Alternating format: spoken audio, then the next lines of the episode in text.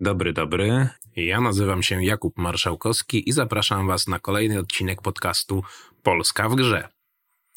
Dziś porozmawiamy sobie o Robocop Rogue City, jednej z najlepszych polskich premier ostatniego roku, ale też ciekawym tytule, który używa pewnych nieszablonowych rozwiązań, który robi pewne oryginalne rzeczy i na pewno warto o nich porozmawiać, warto o nich posłuchać. Dlatego też moimi gośćmi będą Michał i Tomek z Tejonu.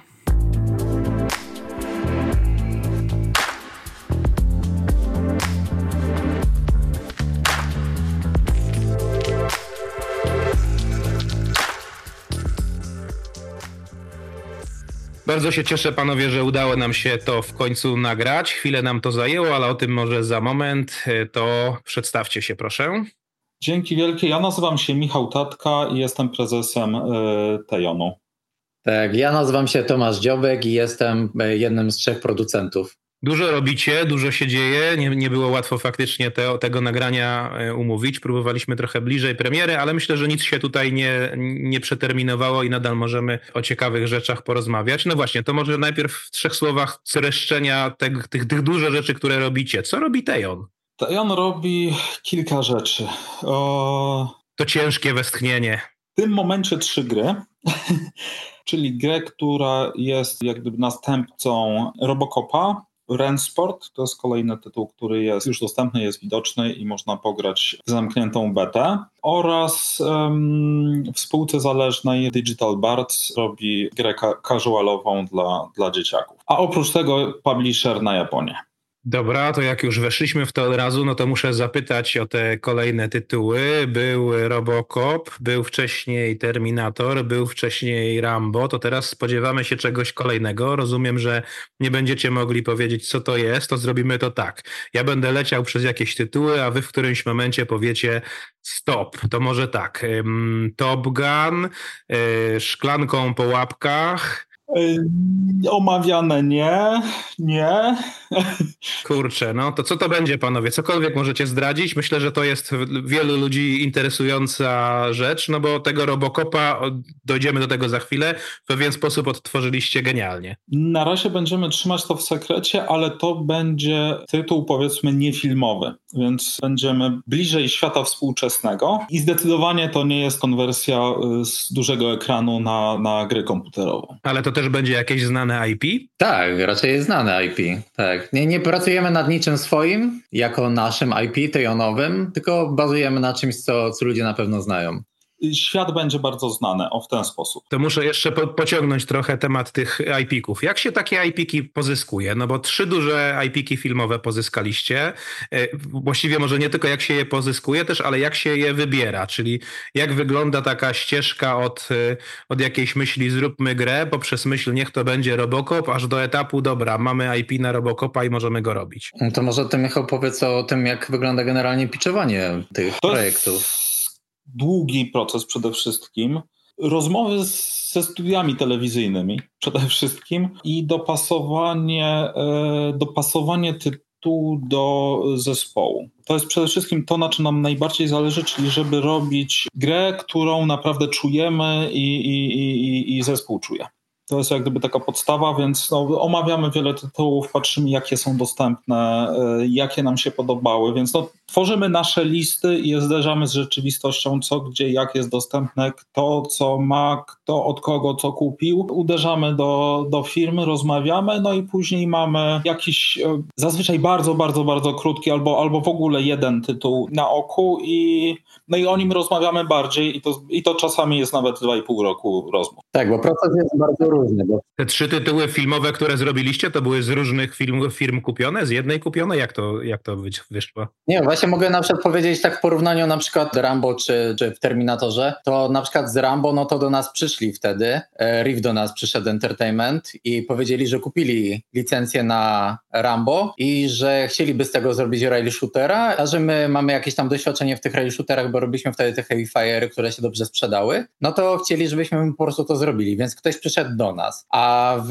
w, czasami jest na przykład tak, że my idziemy do kogoś, czyli my wyciągamy jakby tą rękę do na przykład właśnie inwestora i mówimy, że słuchajcie, mamy świetny pomysł na to, żeby na przykład zrobić e, sędziego Dreda albo jakąś inną grę w jakimś tam stylu i na przykład idziemy do Nakona i mówimy, mamy świetny pomysł, zrobimy to, to, to, to to i potrzebujemy tyle pieniędzy. Bo to świetnie wpasuje się właśnie tak jak Michał powiedział w nasz zespół. My to czujemy, wiemy co mamy zrobić i zrobimy to za tyle czasu. I to jest wszystko dogadane już ze studiami filmowymi i tak dalej, no i później jest cały jeszcze bardzo skomplikowany proces wciąż. Tak, bo tutaj jak, jak że jednak nie robimy jakiegoś indyka, nic takiego, tylko wiesz, jak w grę wchodzą już większe pieniądze, no to wszystko się musi e, zgadzać, nie? Musi się zgadzać właśnie licencja, czy możemy, czy mamy prawo do tego aktora, czy to jest tylko związane z tym, kto w sumie ma prawa do tej licencji, E, czy można to robić na wszystkie platformy? E, no jest, jest dużo zamieszania. Czy wszystkie na przykład terytoria są dostępne? To był na przykład case przy Terminatorze, gdzie e, rynek chiński był bardzo skomplikowany, jeśli chodzi o prawa autorskie. On, Terminator był posprzedawany, jak gdyby na, na świecie było prościej, na, na reszcie świata było prościej niż na Chiny.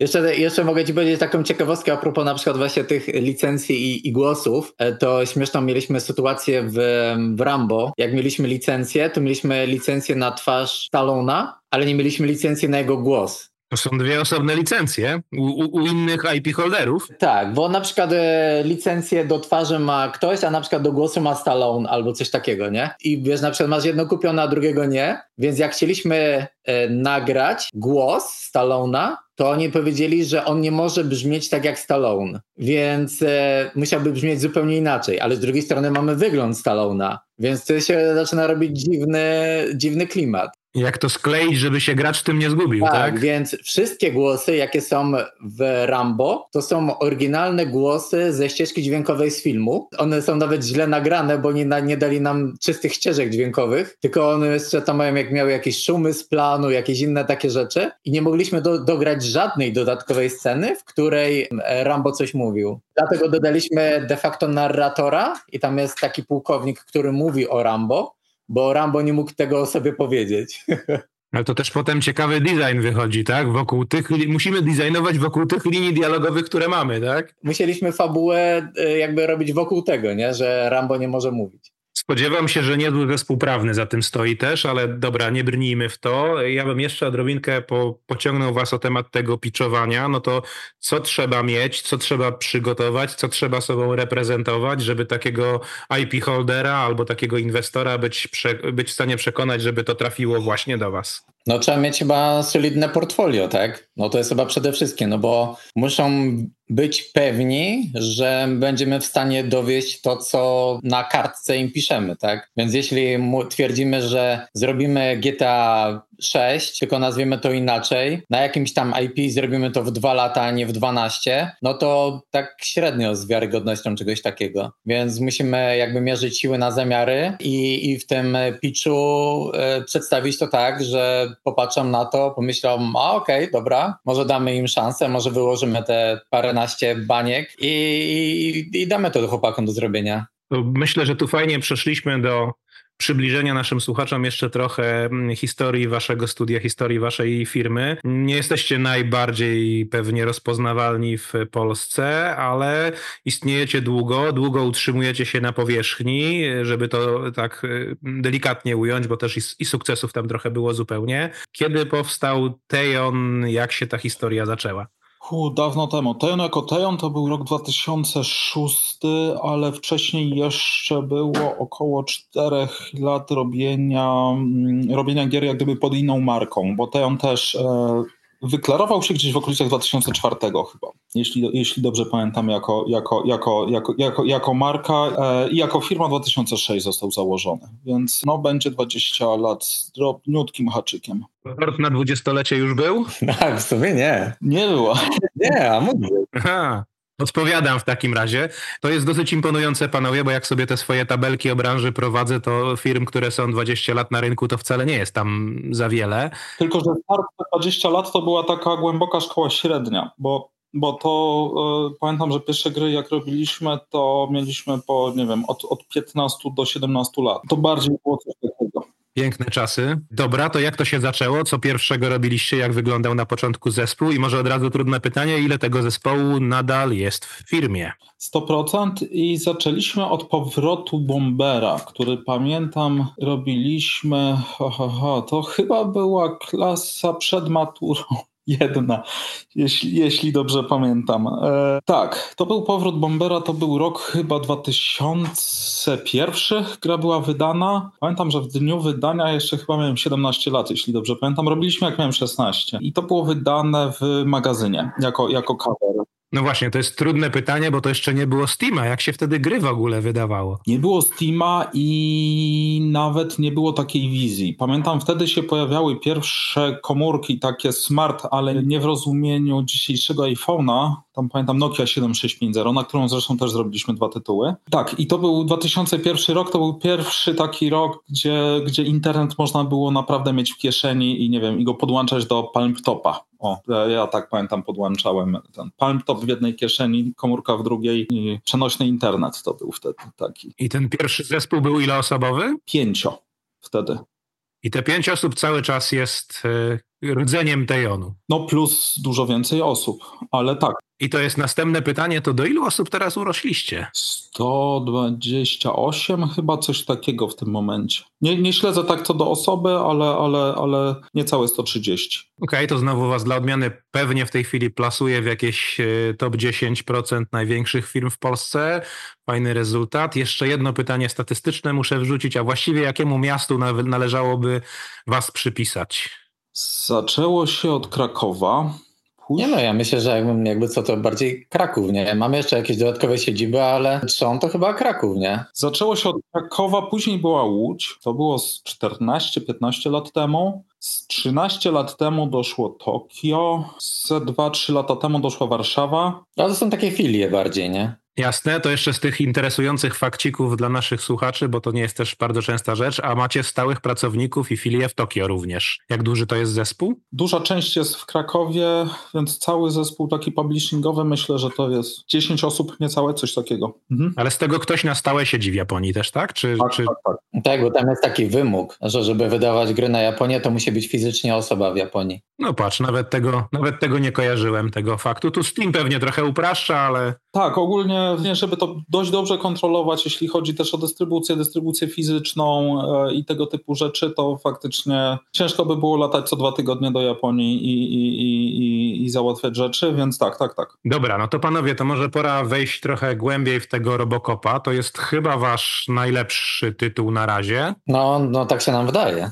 Wydaje się, że poszedł bardzo dobrze, recenzje dobre, chociaż w tych recenzjach jest tam czasami trochę specyficznych komplementów, tak bym sobie to nazwał. Pamiętacie jakiś specyficzny komplement, który wam najbardziej zapadł w pamięć? Tam są takie uwagi, że ta gra to tam inne lata albo coś, ale w sumie bardzo dobra, czy, in, czy, czy inne tego typu historie? Ja nie kojarzę nic takiego bardzo specyficznego. Na pewno ludzie patrzą na to przez takie trochę różowe okulary często. No, nostalgia, no jest w tym nostalgia. Tak, takim, przez taki pryzmat właśnie jakichś wspomnień, nie? że im się jakby, że czują jakby te sceny albo tak, to tak było w filmie, nie? No bo bardzo dobrze odtworzyliście, wydaje się, ten klimat tego filmu, ten klimat tamtych czasów. E, to jest duży wysiłek? E, tak, to, to jest trochę wysiłek, bo często te sceny w filmie, które my próbujemy przenieść, albo ogólnie jakby jakieś tam fragmenty z filmu, na przykład właśnie ten strzał w przyrodzenie, o, to my długo próbowaliśmy znaleźć miejsce na to, jak, jak to wsadzić w sumie do gry i jak jakby bardzo ułatwić zabijanie przeciwników przez, e,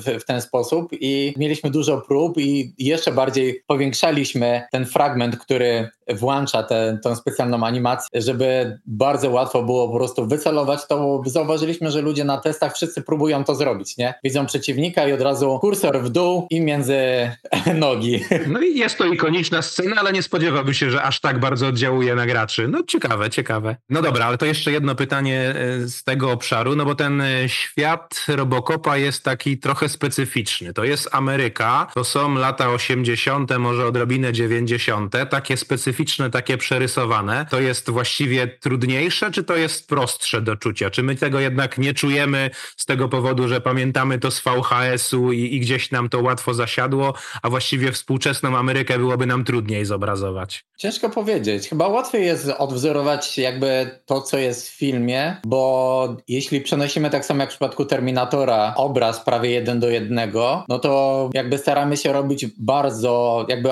mm, odzwierciedlić tą, no niech to będzie scenografia, tak? Więc e, robimy kamienice, które są w podobnym stylu, używamy tej samej palety kolorów i ludzie jakby włączając grę powinni mieć takie wrażenie, jakby włączyli ten film, czyli im się jakby to zgadza. A z odzwierciedleniem rzeczywistości jest jakby tak jak teraz, na przykład czasy współczesne, jest dużo trudniej, bo ludzie właśnie na przykład, niech to będzie na przykład w Polsce, nie do końca zdają sobie z tego sprawę, jak na przykład aktualnie wyglądają Stany Zjednoczone i jakie na przykład koloru są śmietniki, jakie koloru są na przykład ulice, jakich rzeczy używają, bo oni tam jakby no, nie są aktualnie i u nas czasem jest taka sytuacja, że na przykład zrobi się jakiś aset i on wygląda dziwnie, ale jest temat taki, no ale sprzedają takie w są takie, ale nie, nie, nie, nie, nie, to wygląda dziwnie. Odwołałem się do czegoś, co ludzie kojarzą i na przykład tak, kosze na śmieci mają mieć taką formę i tak wyglądają. Jakby jasne, że w Stanach już jest na przykład 10% takich, nie? Ale lepiej, lepiej się odwołać do czegoś po prostu, co kojarzy, to jest, nie? To jest, to jest ważna myśl. Mhm. E, no dobra, ale udało wam się tuż chyba, tu też chyba uniknąć jakichś takich pułapek tej nostalgii, czy tego odwzorowania czasów przeszłych. E, czy, czy to jest tak, że w Robocopa grają tylko stare, nostalgiczne dziady jak ja, czy, czy młodzież też się w tym jakoś jednak odnalazła? To jest jednak gra taka 30+. Plus. Okay. To, to, to tak, tak powiedzmy a dla młodszych graczy to jest bardzo ciekawy, e, inna wizja retro future. To jest takie coś, jeśli ktoś jest młody i naprawdę nie widział Robocopa, to to jest naprawdę ciekawe podejście, no, które pewnie zaraz, bo je, jeszcze nie teraz, ale, ale, ale poczekajmy na Ilona Maska, aż zrobi e, lepsze wpięcie się w mózg, to to są właśnie tego typu klimaty, więc to jest inna wizja retro future, no, no to są tego typu rzeczy. I dokładnie to samo też mieliśmy przy Terminatorze. Jak robiliśmy playtesty i niektóre młode właśnie osoby nie kojarzyły kojarzyły e, z filmu. tak, nie mhm. kojarzyły filmu, no to to było bardzo ciekawe, zupełnie inne podejście. Ale to jest, to jest ciekawe, też faktycznie zrobił nam się na tyle duży i na tyle znaczący sektor 30+, plus, że można wyprodukować grę 30+, plus i z sukcesem ją sprzedać. Tak. Zdecydowanie. To jest bardzo fajna obserwacja na, na temat rynku gier, dobra.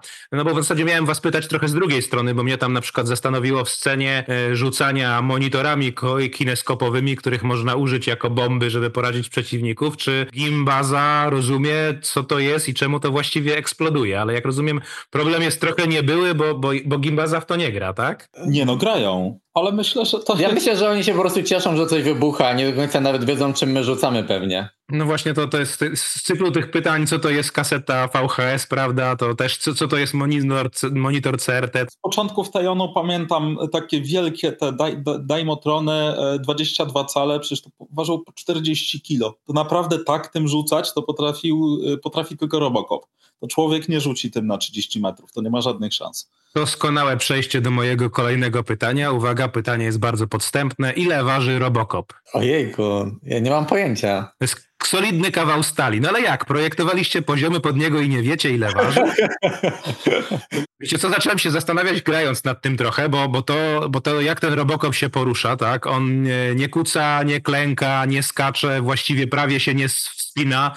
To było bardzo kontrowersyjne, jakby z punktu widzenia designu, bo my dosłownie zabieraliśmy wszystkie rzeczy, które, do których byliśmy tak przyzwyczajeni w każdym shooterze i po kolei zabieraliśmy to wszystko od tego gracza i tak zróbmy wolniej, zróbmy, że nie może się e, kucać, zróbmy, że nie może skakać i nagle takie ludzie chodzą, wciskają tą spację i czemu ja nie mogę podskoczyć? Jakby o co chodzi, nie? Trosz, troszeczkę tu wróciliśmy do czasów Duma jedynki, pół żartem mówię oczywiście, ale ale tak, no tam też nie było skakania, ale to nie tyle wy, wy, wynika z masy, z masy samego Robocopa, co, co po prostu wynika z...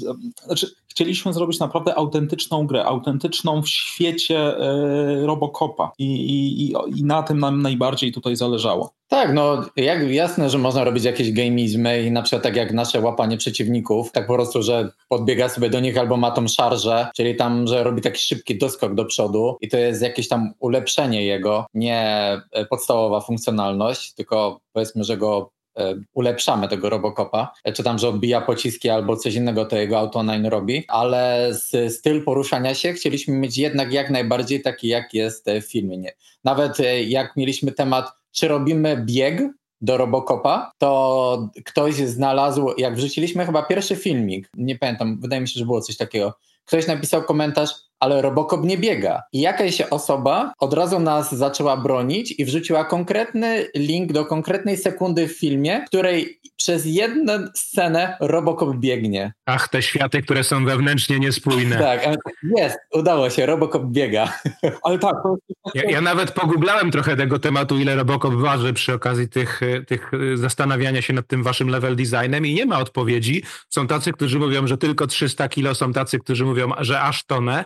No ale tak, to właśnie wpłynęło dosyć znacząco na level design u, u was. On jest e, inny. Teraz dopiero jak, jak wróciliście z tym Dumem jedynką jako, jako referencją, to, to zdałem sobie sprawę, że tak, właściwie tam się nie skakało. My tego nie pamiętamy, ale przecież nie skakało się, bo, bo dużo innych gier później nam to trochę zatarło w pamięci. No i tutaj właśnie wjeżdża taki specyficzny level design, czyli być może z naszej opowieści teraz tu na antenie wydaje się, że, że jest nudno, tymczasem nie jest nudno. Wydaje mi się, że ten level design zupełnie dobrze wam wyszedł, jest y, wielopiętrowy, tylko żeby oczywiście dostać się dwa piętra wyżej, to trzeba wejść naokoło jakimiś, no czekajcie, czekaj, człapać naokoło jakimiś e, schodami, bo faktycznie ten Robocop nie biega, on się porusza w takim czołgowym tempie i to jest fajne i to chyba bardzo pomaga temu, temu poczuciu autentyczności, ale czy to było trudne w projektowaniu poziomów? E, tak, to było trudne, bo jeszcze na pewnym etapie, jak w pewnym momencie stwierdziliśmy, że rezygnujemy na przykład ze skoku, no to był temat taki, ok,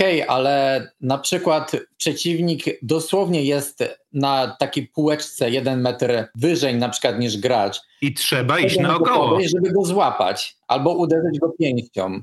Więc e, muszę szukać kładki, dzięki której mogę wejść sobie do niego i go obejść, nie? Wtedy testowaliśmy jeszcze taki system waltowania, czyli takiego kontekstowego, jeśli się podchodziło do jakiejś przeszkody w Call of, Duty czy w innych takich grach też tak, takie systemy są, to on jakby odpala specjalną animację, że on wchodzi jakby na ten e, asset. To nie jest wskakiwanie, tylko wchodzenie, e, takie powiedzmy bardziej eleganckie. Ale e, jak zaczęliśmy to testować i po prostu to było z automatu, że cała mapa wspierała jakby to waltowanie, to tak czy siak, jak się potem, ja nie powiedziałem o tym wtedy nikomu, że jest taki system w tej grze i po kilku tygodniach spytałem się testerów, czy wskakiwali na te asety. Oni powiedzieli nie, nie, że nawet nie wiedzieli, że taki system jest. Więc oni wtedy wyszło, że tak naprawdę oni nie czuli nawet potrzeby korzystania z takiej rzeczy, czy nawet sprawdzenia, czy oni mogą wejść na coś takiego, więc po prostu usunęliśmy to i staraliśmy się w każdej z tej sytuacji, gdzie chcieliśmy na przykład właśnie w walce z przeciwnikami dać to możliwość dojścia do nich, to albo zmienialiśmy ułożenie terenu, albo robiliśmy jakby więcej tych jakby takich kładek, czy jakby takich jakichś asetów, po których można się było do nich dostać. Powiem jeszcze tutaj kilka rzeczy,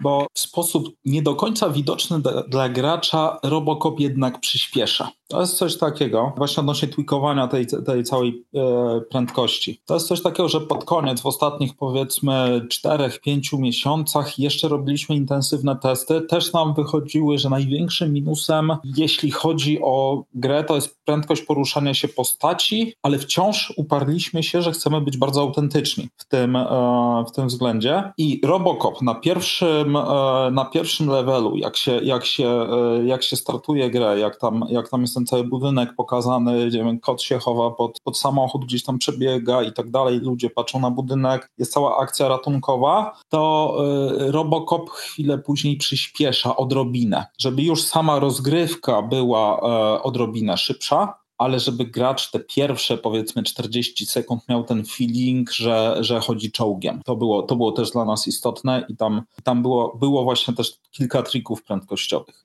Podkreślmy, klasyczna sztuczka game devowa, trzeba trochę oszukać, tylko tak, żeby nikt nie widział. Tak, to jest magia kina. Trzeba pokazać klimat na początku, jak gdyby e, filmowy, a później chcemy przyspieszyć, żebyśmy byli bardziej grą komputerową jednak to jednak w takich niespójnościach trochę ja chyba znalazłem jakieś miejsce, gdzie się wspina na jakąś drabinkę robokopem, ale Są jakieś drabiny, dosłownie... Tak, jest system drabin. Bo y, jakby y, też, żeby na przykład właśnie nie chodzić naokoło jakąś kładką na drugie piętro jakiegoś budynku, no to testów też nam jakby stwierdziliśmy, że, że drabiny są jeszcze ok.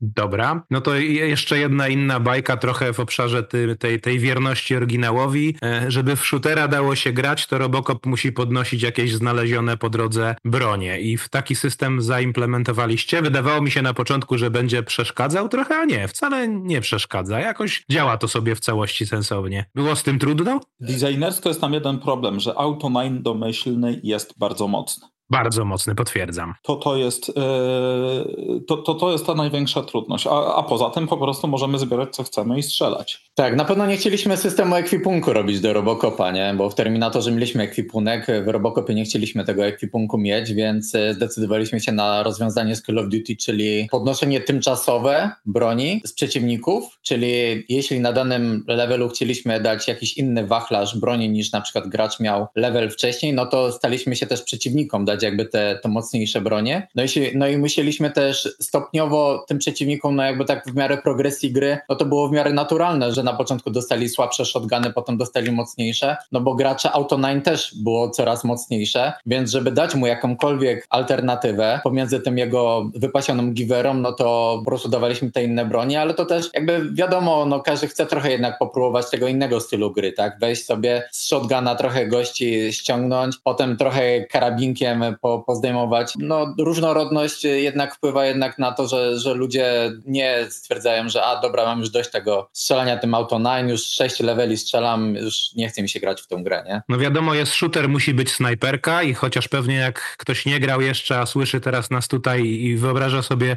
Robocopa strzelającego ze snajperki, to trochę mu to zgrzyta, a tymczasem w grze sprawdza się to zupełnie dobrze, dopasowany do tego jest poziom na przykład i działa to jak powinno. Tak, no i to jest snajperka z filmu też, nie? Dobra, to jeszcze jeden taki obszar, gdzie, gdzie, gdzie wydaje mi się ciekawe rzeczy porobiliście, no to dialogi. Dialogi czasami znajdowałem tam złoto, a czasami znajdowałem tam taki ser, e, że nie wiem, czy, czy ta referencja, ten żarcik z języka angielskiego jest zrozumiały, ale no takie 80 serialowe żarciki czasami tam lecą, że aż ciężko. I one właściwie też cieszą, bo to jest referencja, bo to jest nawiązanie do tego, do tego oryginału. To było pisane w oryginale po angielsku. Jak powstawały dialogi do tego? Tak, po, po angielsku było pisane. Dlatego się potem pojawiają takie sytuacje, jak ty teraz mówisz, nie z tym serem, że potem e, tłumacze to dostają i nie do końca wiedzą, jak to mają przetłumaczyć. Nie no, ja po angielsku grałem oczywiście. Po prostu tak, tam, tam, tam sami to daje. Jakiś żart ma sens, a potem przetłumaczeniu na polski już e, tego sensu nie ma, bo to jest tylko i wyłącznie żart językowy, więc e, to jest trzeba robić tak jak Sztur robił w Szreku i wrzucać własne żarty, tak? Tylko, że to ma sens w grze dubbingowanej albo w filmie dubbingowanym, a w napisach już trochę mniej, więc e, tutaj, tutaj są problemy z, z tą wiernością angielskiego żartu. Ale tak, wszystkie dialogi zawsze mieliśmy pisane po angielsku, nie, nie, nie pisaliśmy po polsku. Wszystkich tekstów całego scenariusza wszystko jest po angielsku. Udało wam się pozyskać Petera Wellera do tego i jego głos no, dużo daje tej grze też autentyczności. To było trudne, jak się z nim pracuje. On trochę antyczny już jest, nie? To był taki to był taki must have, żeby, żeby, żeby, żeby grę robić, żeby, żeby, żeby to wszystko było autentyczne, więc to była część takiego, takiego powiedzmy pierwszego albo, albo pierwszej, pierwszej w ogóle fazy, fazy robienia gry. Super, że jest, super, że się udało wszystko tak dobrze nagrać, więc no, my jesteśmy tu bardzo zadowoleni. Ale to jest trudne, to są miesiące negocjowania kontraktów, czy to jest po prostu jego emerytura i chętnie to zrobił? Nie, to było zrobione z chęcią yy, trzy miesiące. No, to, to, to jest, nie wiem, powiedziałbym bardziej lata negocjacji całości wcześniej. Okej, okay, macie tam, bo, bo nie, nie odnotowałem, macie tam więcej oryginalnych aktorów jeszcze w jakiś sposób w całości? E, jeśli chodzi o dubbing, to nie, ale razem z licencją mieliśmy właśnie kilka, um, u nas coś jakby branża nazywa likenessów, czyli mieliśmy prawa do tego, żeby zrobić jak najbardziej postacie pasujące do wizerunku aktorów i mieliśmy właśnie tam tą Anne Louise, mieliśmy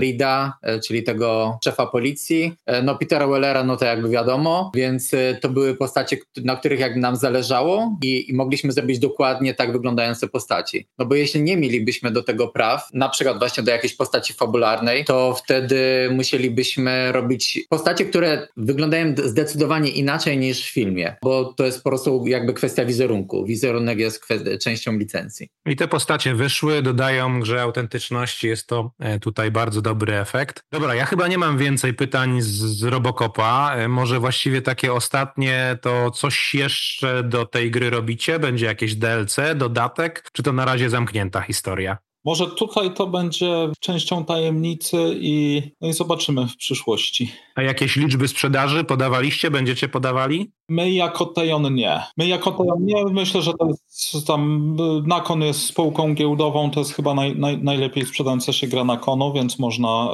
y, można tam podejrzeć. O, o, jest to jakieś wskazanie. Dobra. Będziemy czekali w takim razie, kiedy Nakon coś ogłosi w tej sprawie, no bo mnie jako statystyka branży trochę to tutaj interesuje. Nie wiem, coś pominąłem, coś jeszcze chcielibyście o ro Robocopie opowiedzieć? Jakaś ciekawostka, jakieś najdziwniejsze zdarzenie w trakcie produkcji? Ciekawostka?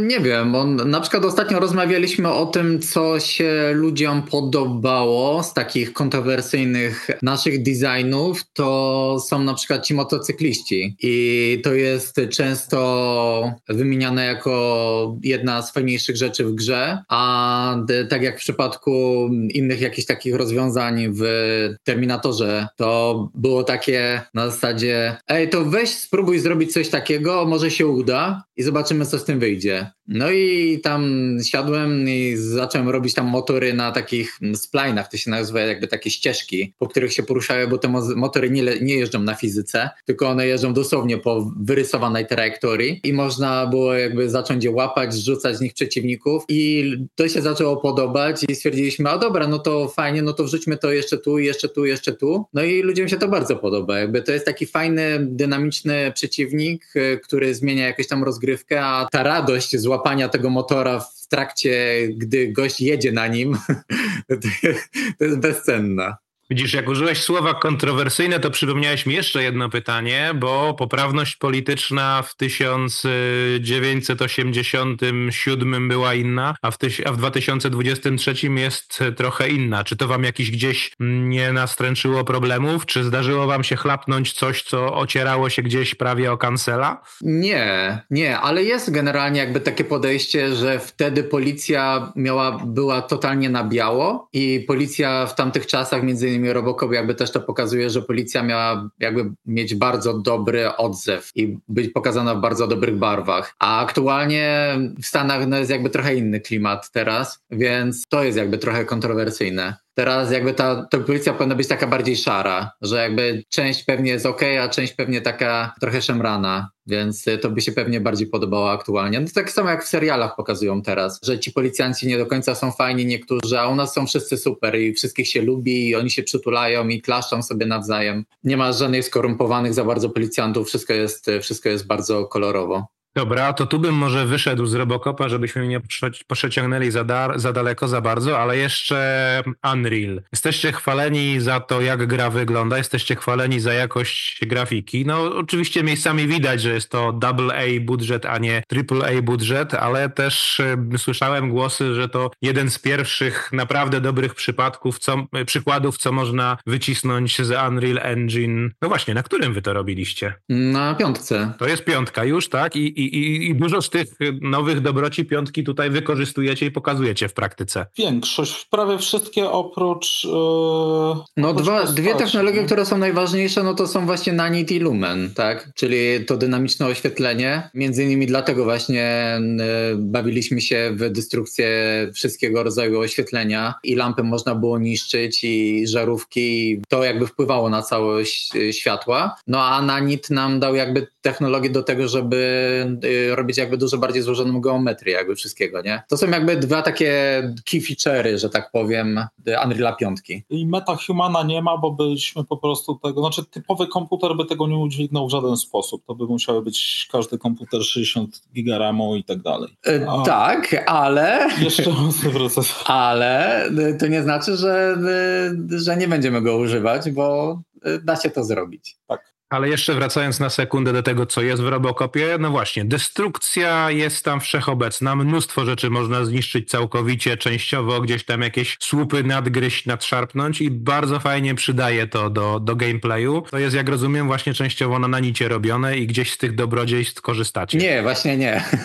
właśnie destrukcja jest cała napisana u nas i ona jest zrobiona w bardzo podobny sposób, czyli oszukańczo, e, tak samo jak jest w Battlefieldzie i w Call of Duty, bo Epic pokazuje generalnie jakby cały system zniszczeń fizycznych, czyli chaos, to się u nich nazywa, i podział jakby elementów na bardzo drobne i może się to wszystko jakoś tam ładnie sypać, ale e, to ma duży minus e, taki, że nad fizyką nie da się za bardzo zapanować, to jest jeden. Drugi jest taki, że właśnie ma to duży narzut na wydajność, bo fizyka jednak liczona na procesorze, a już tutaj mamy dużo przeciwników i innych rzeczy, więc nie bardzo chcieliśmy jeszcze jakby tutaj do, dodawać. A trzecia rzecz jest taka, że nad tym cięciem jakby nie zawsze da się zapanować, a jak robimy to ręcznie, to wiemy wtedy dokładnie jak to wygląda i może to wyglądać ładnie. Więc e, to jest taki system e, jednak powiedzmy po staremu robione, ale są tam dorzucone nowe ładne partikle, efekty, dźwięki i, i, to wszystko jakby wpływa na to, że to wygląda nowocześnie i ciężko jest jakby się zorientować, że to jest zrobione trikami.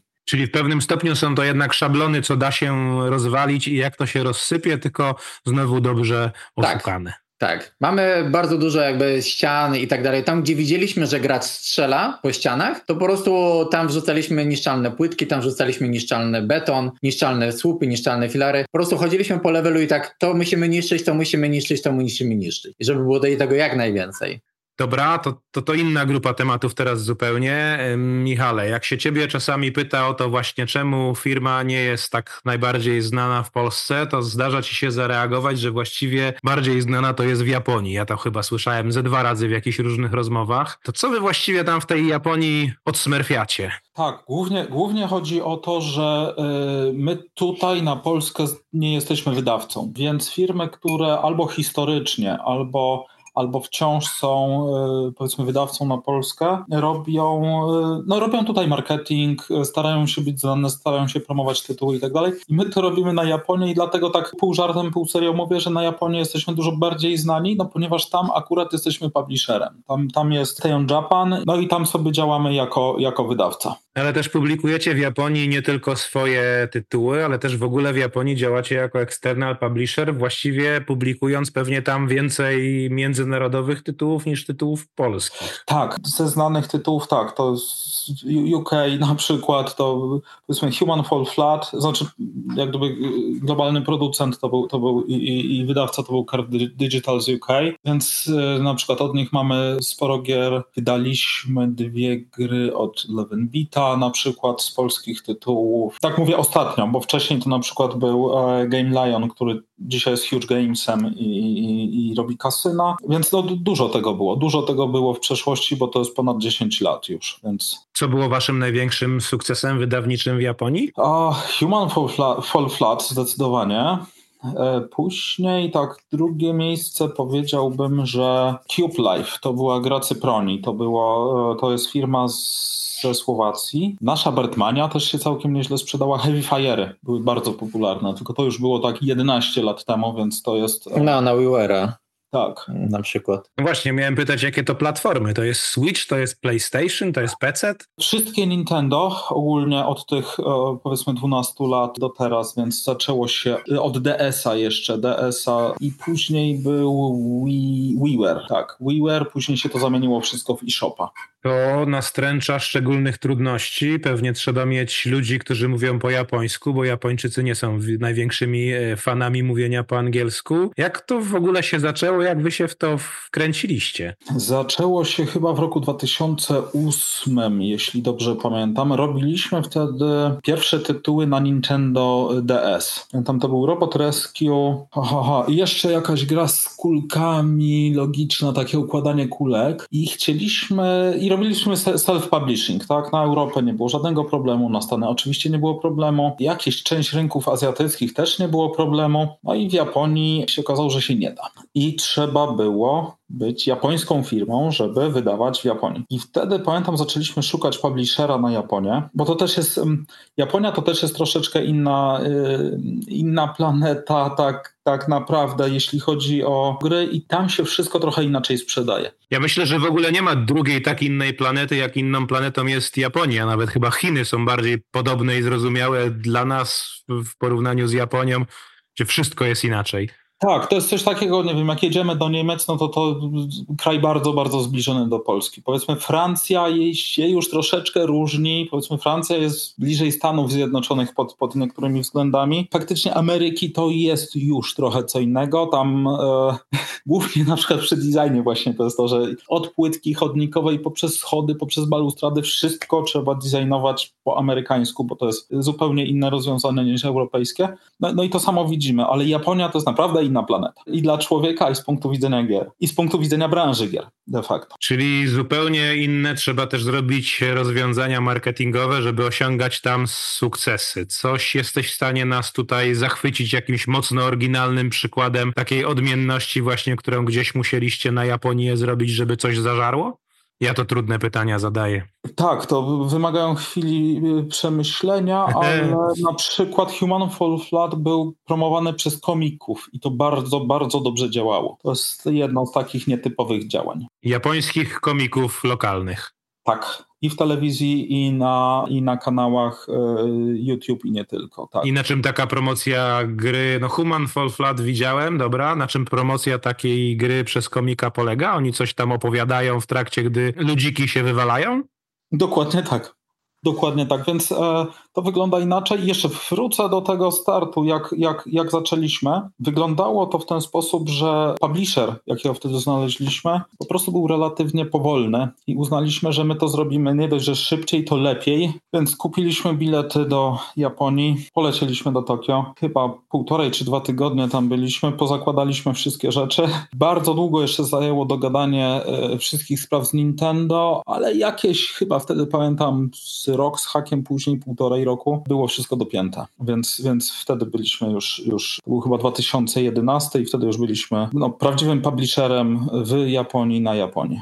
Właśnie miałem pytać jeszcze o ten rok gwoli historycznej ścisłości, czyli 2011, 12 lat temu. Niezły kawałek czasu. E, dobrze, panowie, dziękuję wam bardzo za rozmowę. Ostatnie pytanie w takim razie z tego nowego, dużego, fajnego IP, co na razie nie możecie zdradzić, co to jest. Możecie chociaż powiedzieć, kiedy spodziewać się jakichś wiadomości, jakichś odsłon czegoś pokazanego? Ojejku, to dużo zależy po prostu od wydawcy, bo to wydawca w dużej mierze ale to jest kwestia roku, trzech lat. Nie, nie. Myślę, że poniżej roku pierwsze wiadomości y, powinny być. W takim razie trzymamy kciuki. Dziękuję jeszcze raz za rozmowę i do usłyszenia, do zobaczenia gdzieś przy jakiejś okazji. Dzięki wielkie. Dzięki. Dzięki.